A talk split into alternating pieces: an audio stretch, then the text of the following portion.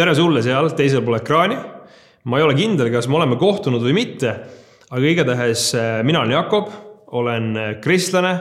olen abikaasa, olen kolme lapse isa, koguduse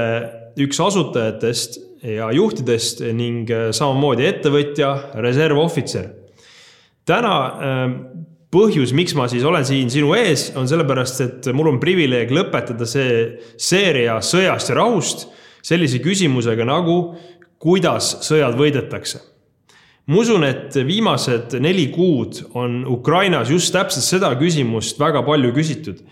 mis on see tegevus, mida me peame tegema selleks, et see sõda võidukalt äh, läbida ja sealt tulla kuidagi võidukalt välja? ja kindlasti mingi nurga alt ma tahaksin täna seda äh, puudutada ka aga võib-olla sinu isiklik lahinguväli tegelikult on hoopis kuskil mujal võib-olla sa oled viimased kuud tegelenud hoopis sellega, et su paarisuhe, mis tundub, et justkui ühel hetkel oli unistuste suhe, on koos lagunemas ja sa oled võitles, võitlemas oma kaaslasega seal. võib-olla sa oled hirmul nendest finantsväljakutsetest, millest uudised räägivad, mis meid järgmise kuude jooksul ees ootavad ja, ja see on see, mis sinu jaoks nagu stressi tekitab ja, ja pingeid ja, ja seda võitlust, lahingut võib-olla sa oled äh, pidanud suuri võitlusi enda enesehinnanguga, mis on olnud madal ja, ja sa ei ole kuidagi suutnud äh, seda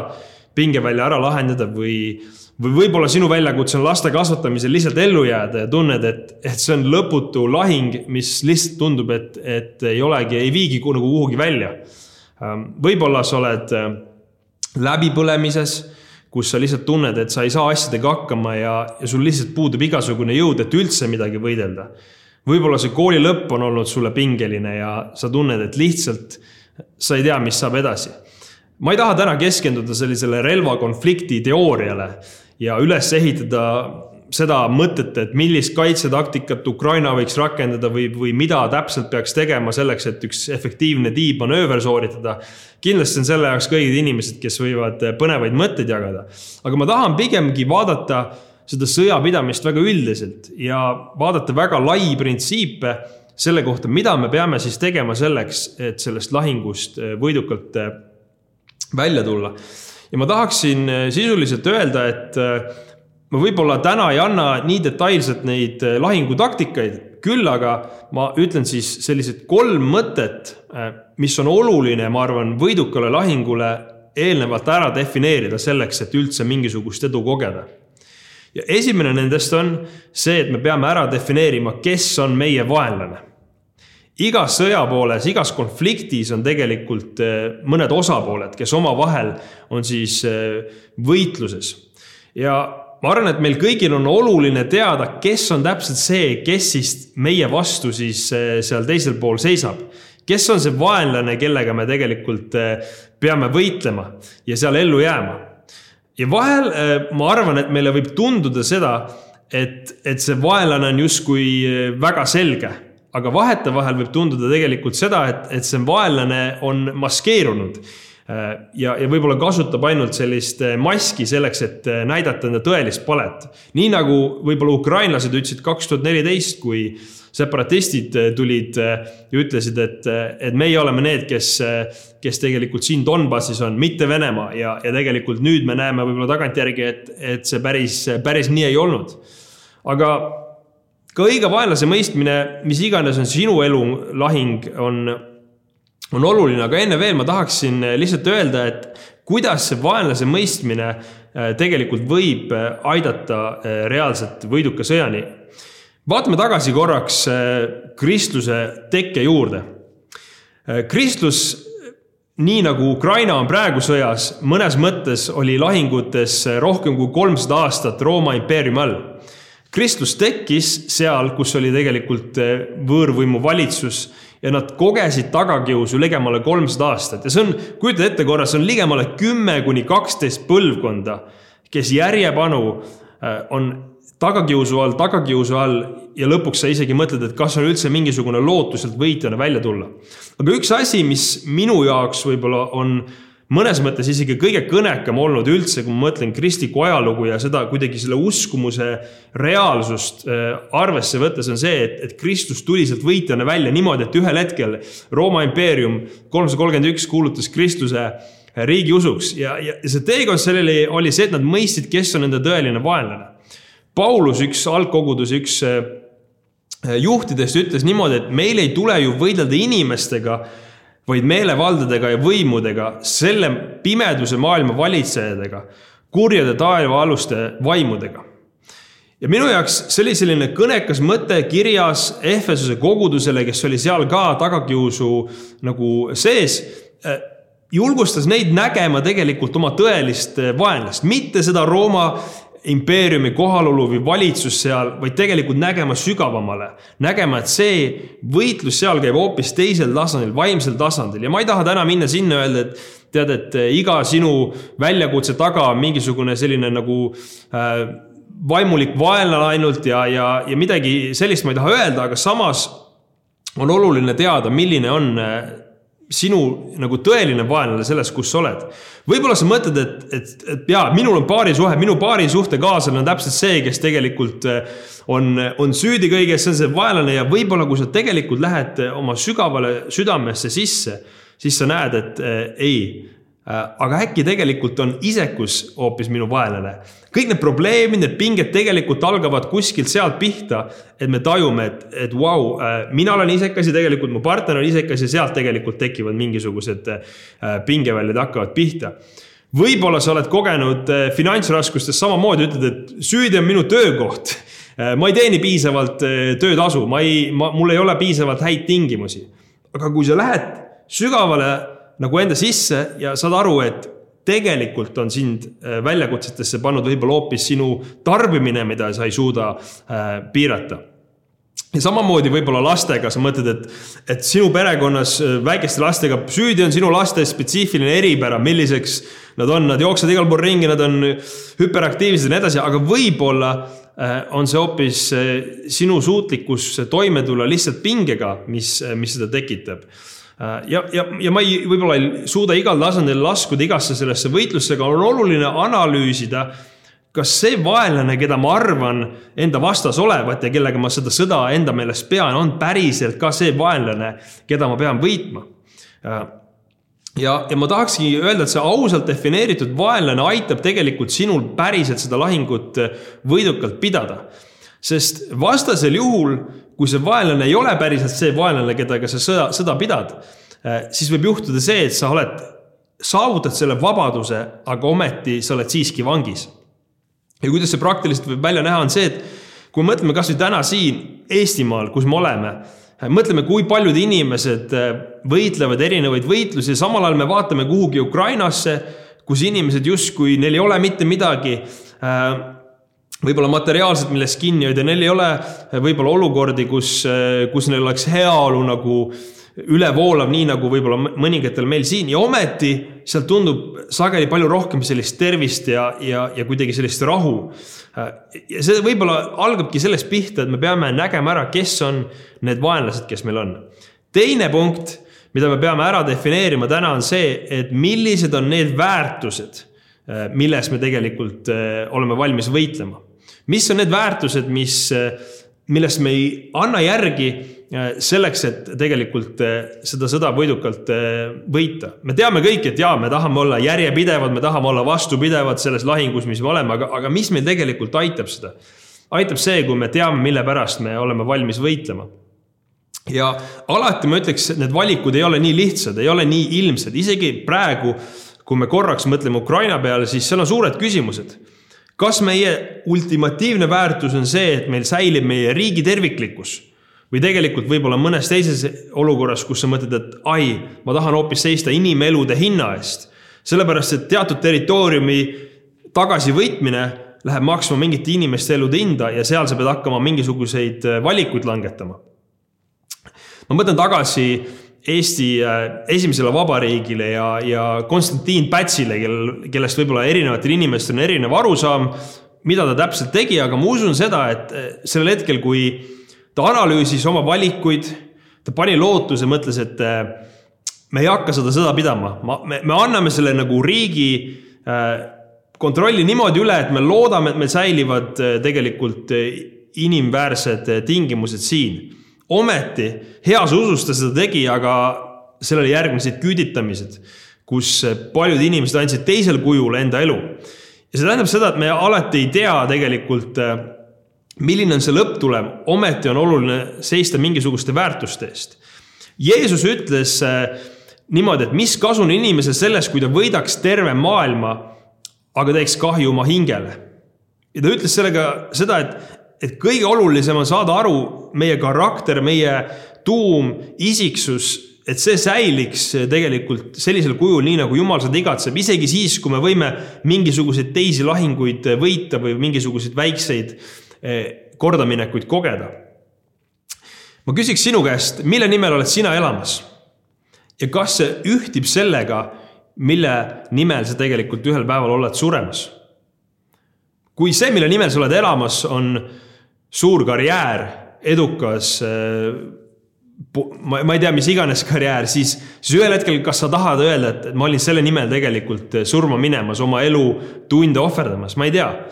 aga ma arvan, et need asjad peaksid ühtima, see, mille nimel me oleme valmis elama, see nimel, mille nimel valmis surema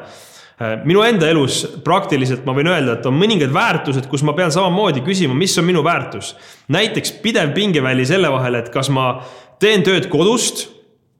teades, et kindla peale langeb minu produktiivsus selle arvelt. aga ma olen võib-olla võimeline sellest lähtuvalt olemaks, olema siis mingitel hetkedel kodus, kus äh, mu abikaasa või, või mu lapsed lõpuks vajavad minu tuge. ja, ja minu jaoks on see kõrgem väärtus. ja võib-olla mõni teine ütleb, et ei, et tema jaoks on oluline hoopis keskenduda, olla kuskil töökontoris, kuskil seal, kus, kus ta saab täielikult keskenduda tööle selleks, et kui ühel hetkel ta jõuab siis koju, et ta saab olla siis sada protsenti seal kohal äh, oma mõtetega ja oma tunnetega. Ja ma nagu ma ütlen, et ei ole alati mingeid õigeid või valesid vastuseid, aga, aga see lahinguväli, see pingeväli, me peame lihtsalt teadma, mis on need meie väärtused äh, mille eest me oleme äh, valmis siis tegelikult seisma ja, ja lõpuni minema ja kolmandaks, mis ma tahan öelda, siis on see, et, et kui me teame, kes on meie vaenlane, me teame, millised väärtused on need, mille nimel me võitleme, siis me peame defineerima ära, mida see võit üleüldse siis tegelikult tähendab. ma julgen öelda, et maailma ajaloos aktiivses sõjapidamises äh, on alati need on mingisugused perioodid, selles mõttes, et kui me teeme midagi, suudame saavutada mingisuguse rahu mingiks hetkeks, siis see ei tähenda seda, et see rahu terveks igavikuks. ma arvan, et Eesti ajalugu äh, näitab meile seda paremini kui ükski teine äh, võib-olla näide üldse.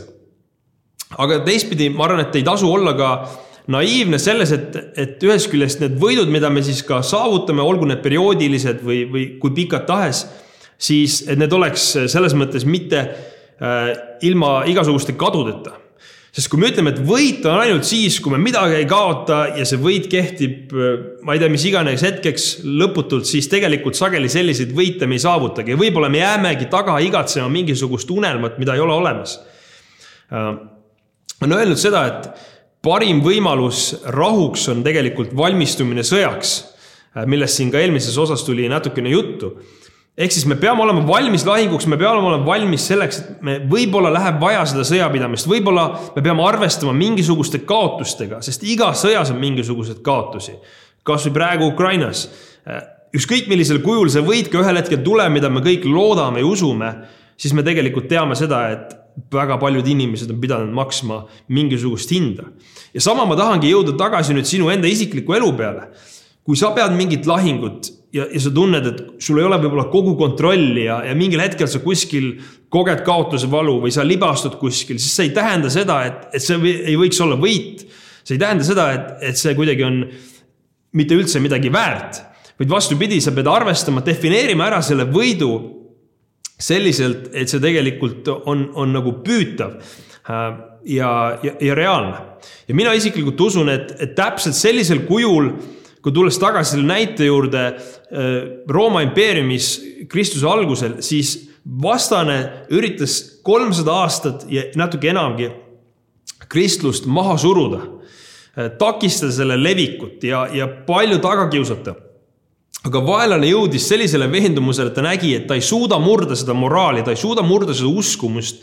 mis kristlastel oli. sellepärast, et kui nad viidi äh, kuhugi tapatalgutele või nad viidi tuleriitedele, nad viidi lõvid ette kuhugi, siis nad nägid, et, et ometi, kui nad murravad ka selle füüsilise ihu, siis miski vaimne sära, mis sealt vastu vaatab, minemaks selles lahingus ka surma,